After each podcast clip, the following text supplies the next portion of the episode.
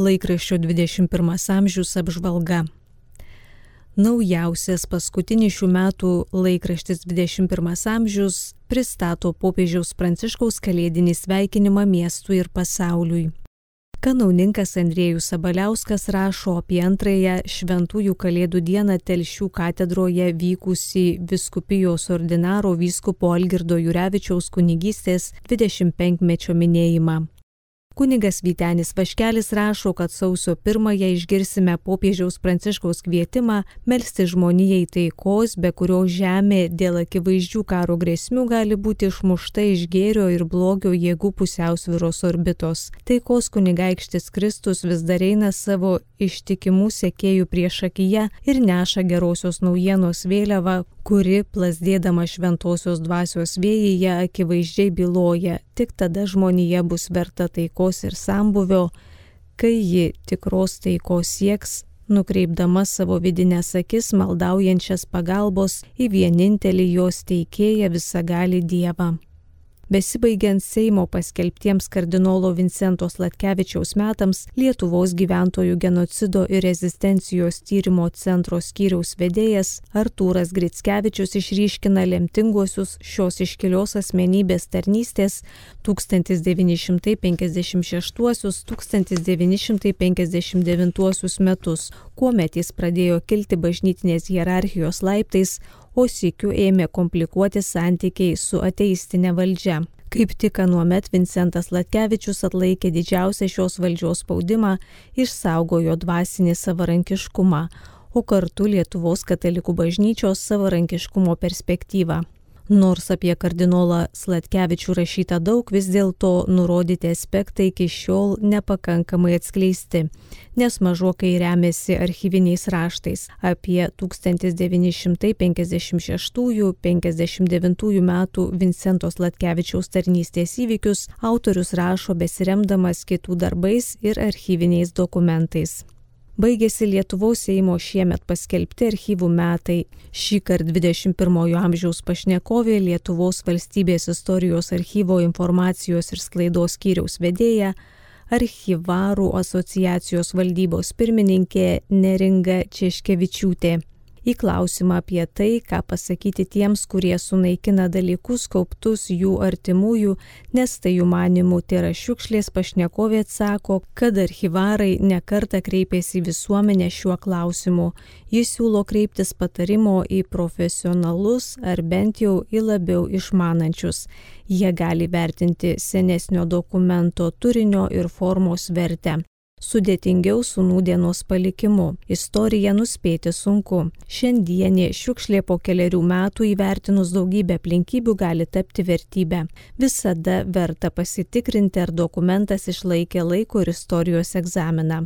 Net ir komplektuojant žinybinius ar valstybės archyvus visada nurodomas terminas vadinamoji dokumentų nomenklatūra kiek metų dokumentas turi būti saugomas prieš jį sunaikinant ar perduodant ilgesniam, o galbūt nuolatiniam saugojimui.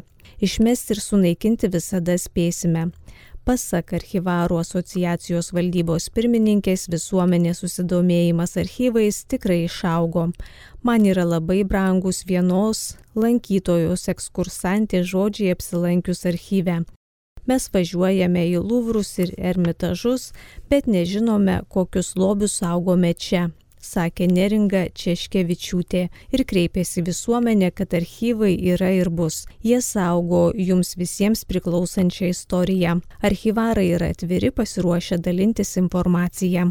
Kita laikraščio 21 amžiaus pašnekovė Vilniaus universiteto docentė daktarė Jolanta Mažylė. Ji tyrinėja Junktinių Amerikos valstijų lietuvio žurnalisto Vytauto Getgaudo palikimą ir pasakoja apie tai, kaip atrado kito Junktinių Amerikos valstijų lietuvio Alekso Šemetos raštus ir kaip iš jų išėjo knyga Elitinio partizano prisiminimai.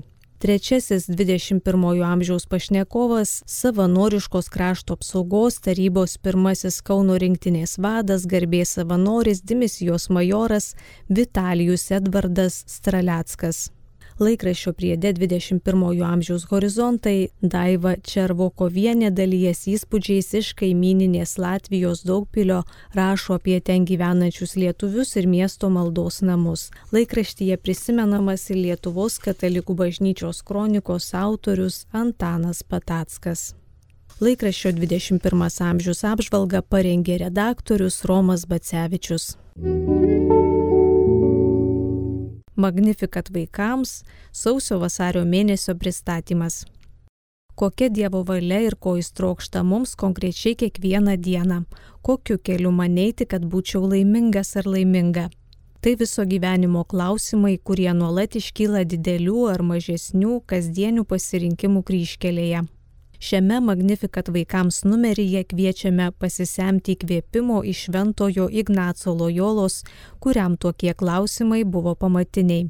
Ilgus metus jis meldėsi, o savo patirtis užrašinėjo, taip gimė dvasinės Ignaco pratybos, kurios daugeliu žmonių padeda atrasti Dievo kelius ir būti laimingais. Tėvas Antanas Saulaitis pasakos apie jezuitus ir misionierius, kas svarbu misijose ir kas ypač rūpi jezuitams ką misijose tolimoje Amazonijoje nuveikė lietuviai misionieriai ir kodėl jie ten buvo. Taip pat galėsite išbandyti paprastus ir labai praktiškus patarimus, kurie padės dvasiškai tobulėti. Šiemet pradedame dvi naujas rubrikas.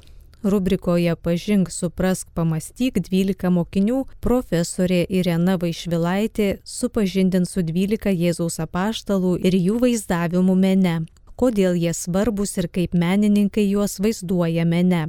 Kviesime tyrinėti meno kūrinius ir juos suprasti. Antroji rubrika pasakos apie nuostabes, nežemiškas būtybės angelus. Šį kartą sužinosite, ar tikrai angelai skraido greitai ir iš vis ar jie skraido. Palaimintų jums naujųjų 2022 metų, te lydi Dievo malonė ir ramybė, būkite laimingi. Girdėjome žurnalo vaikams Magnificat sausio vasario mėnesio pristatymą.